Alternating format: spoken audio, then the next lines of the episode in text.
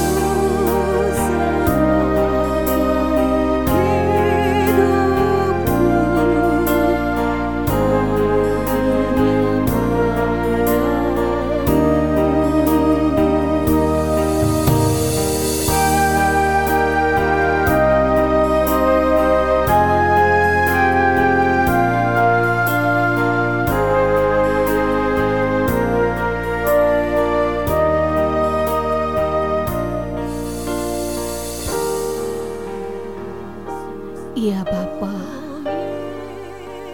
Allah yang Maha Pengasih dan Penyayang.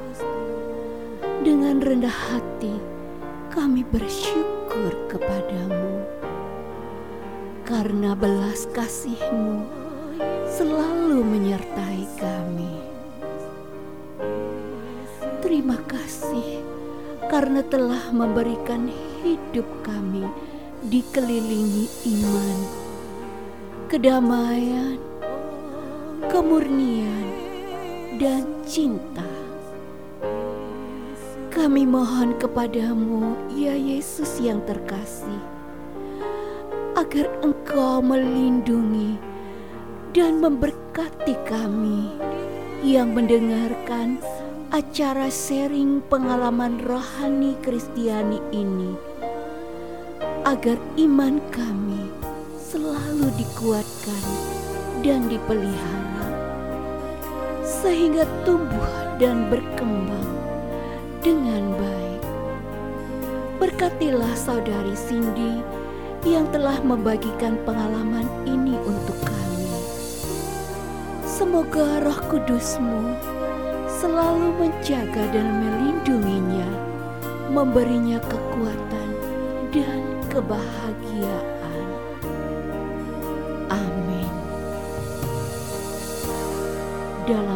Bapa dan Putra dan Roh Kudus. Amin.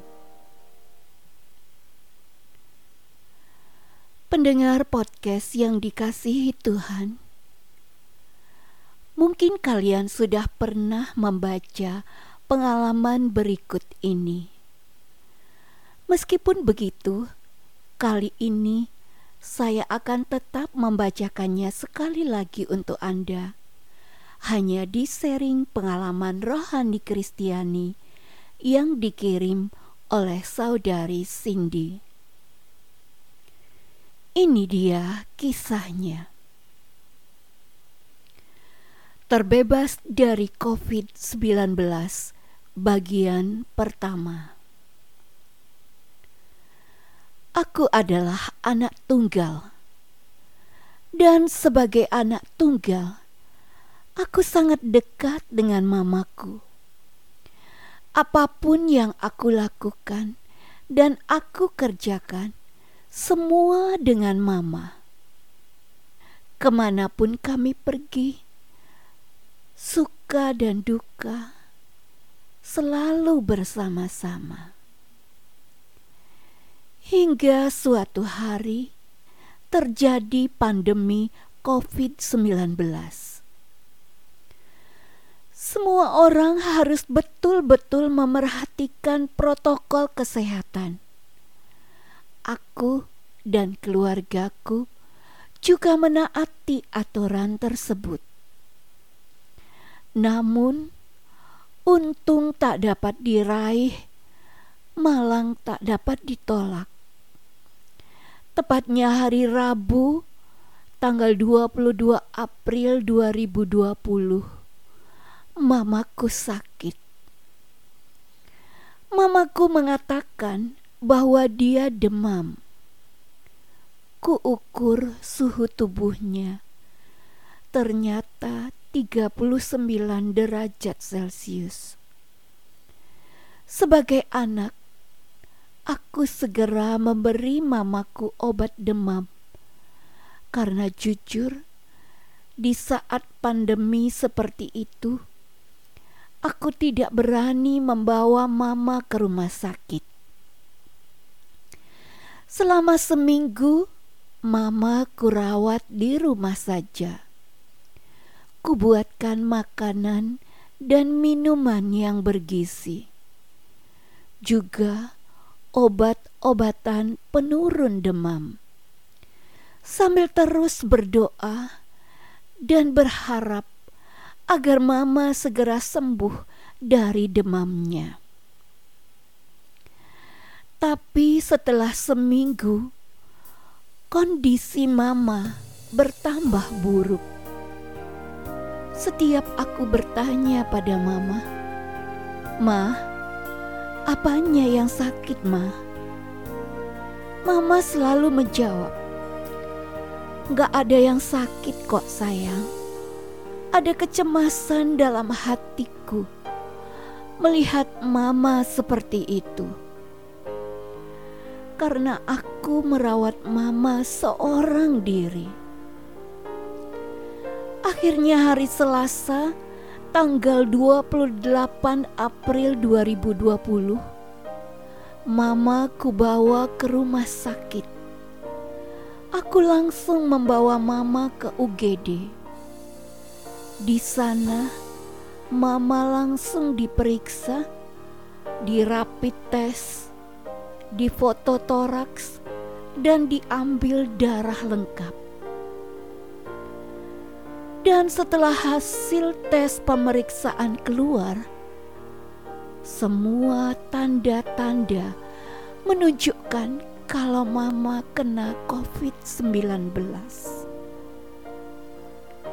Saat itu, aku benar-benar tidak tahu aku harus berbuat apa. Aku hanya antar mama sendirian ke rumah sakit. Sedangkan saudara sepupuku hanya bisa membantu melalui telepon saja. Aku benar-benar bingung saat itu. Apalagi dokter menyarankan agar dipasang ventilator untuk mama dan garis masuk ICU. Aku hanya bisa menjawab, "Iya, Dok. Silahkan kalau memang itu jalan satu-satunya." Aku tidak bisa berkata lain karena melihat kondisi mamaku saat itu sangat buruk dan juga sesak nafas. Akhirnya, mama dirawat di ruang ICU dan dipasang ventilator. Melihat kondisi mamaku saat itu, aku sangat sedih, cemas, dan khawatir. Dalam kesedihan itu, aku merasakan kehilangan indera penciuman dan indera perasaku menyadari kondisiku seperti itu, aku juga meminta pada dokter agar aku juga dicek di UGD. Karena aku juga takut kalau aku terkena COVID-19. Malam itu juga aku dicek di UGD. Hasil rapid testku menyatakan aku non-reaktif. Hasil cek darah lengkap bagus dan hasil foto torakku juga bagus. Kesimpulannya, tidak ada tanda-tanda aku terkena COVID-19. Pihak dokter pun tidak menyarankan aku untuk tes swab tapi karena aku khawatir, aku tetap minta supaya aku dites web.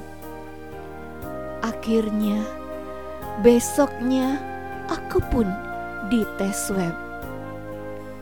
Sambil menunggu hasil swab, aku memutuskan untuk pulang.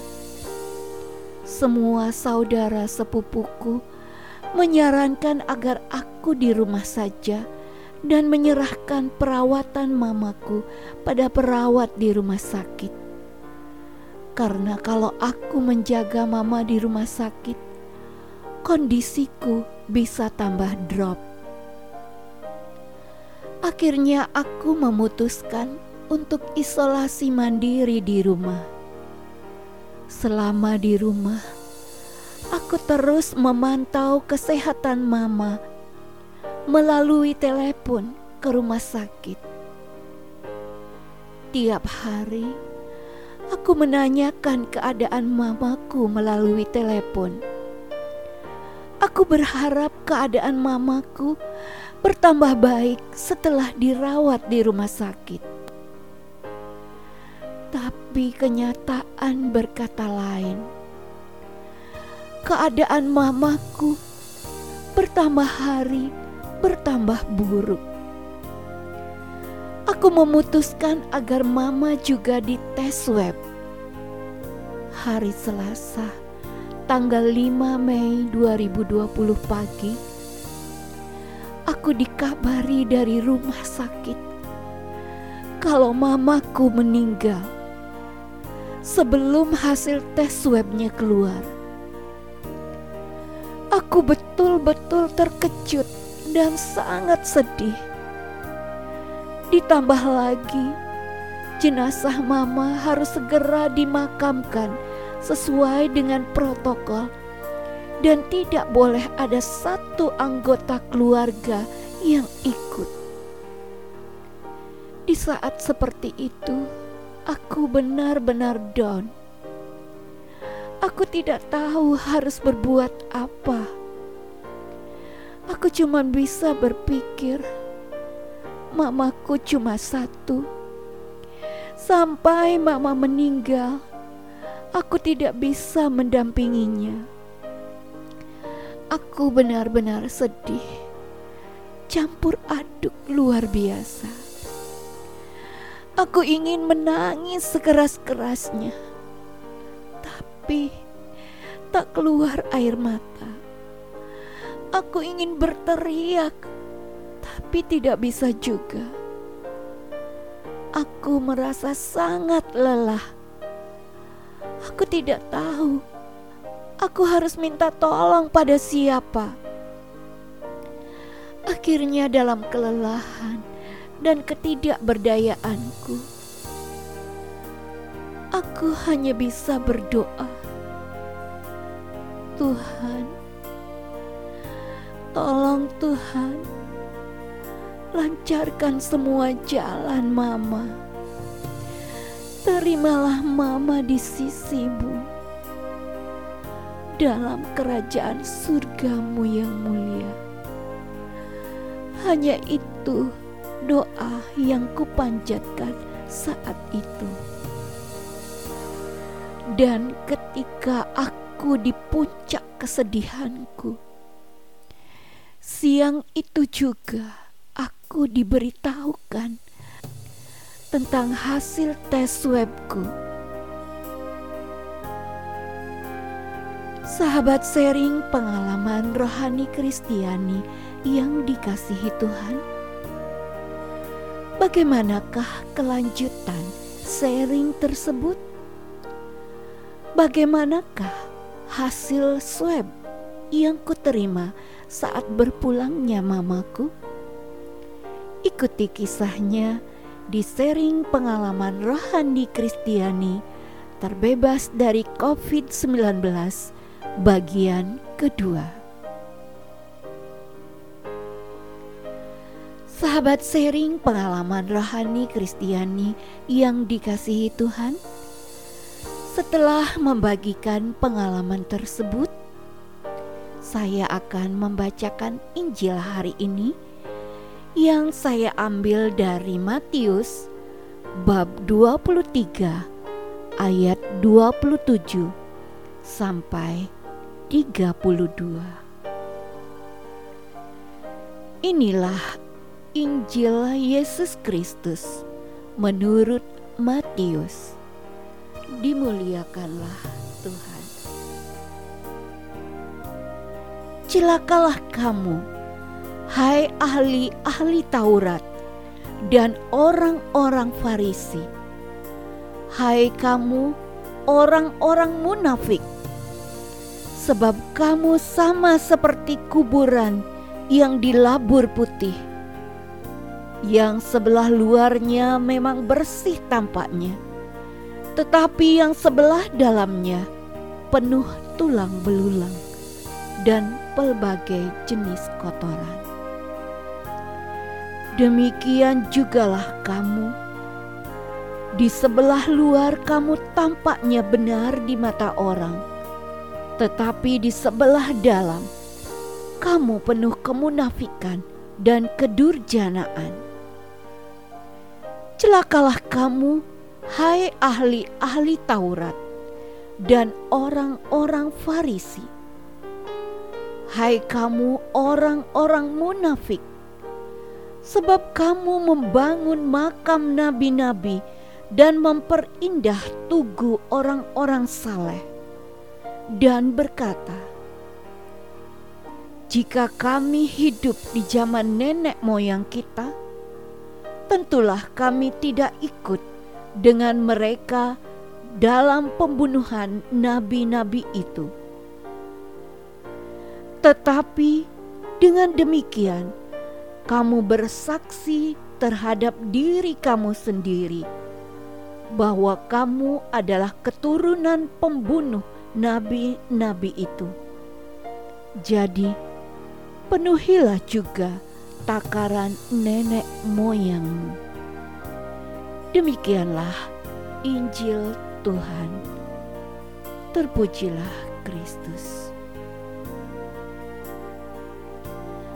Pendengar, saya akan pilih satu perikop yang berkesan di hati kita. kita baca berulang-ulang sehingga menjadi berkat dalam hidup kita. Demikian jugalah kamu. Di sebelah luar, kamu tampaknya benar di mata orang, tetapi di sebelah dalam, kamu penuh kemunafikan dan kedurjanaan. Demikianlah juga kamu. Di sebelah luar, kamu tampaknya benar di mata orang, tetapi di sebelah dalam, kamu penuh kemunafikan dan kedurjanaan. Demikian jugalah kamu di sebelah luar, kamu tampaknya benar di mata orang, tetapi di sebelah dalam kamu penuh kemunafikan dan kedurjanaan. Demikian jugalah kamu. Di sebelah luar, kamu tampaknya benar di mata orang, tetapi di sebelah dalam, kamu penuh kemunafikan dan kedurjanaan. Demikian jugalah kamu. Di sebelah luar, kamu tampaknya benar di mata orang, tetapi di sebelah dalam kamu penuh kemunafikan dan kedurjanaan. Pendengar, semoga Injil Tuhan membaharui kehidupan kita dan memberi sukacita yang berlimpah. Amin. Sahabat setia sharing pengalaman rohani Kristiani. Sekarang marilah kita akhiri podcast ini dengan doa penutup. Dalam nama Bapa dan Putra dan Roh Kudus. Amin.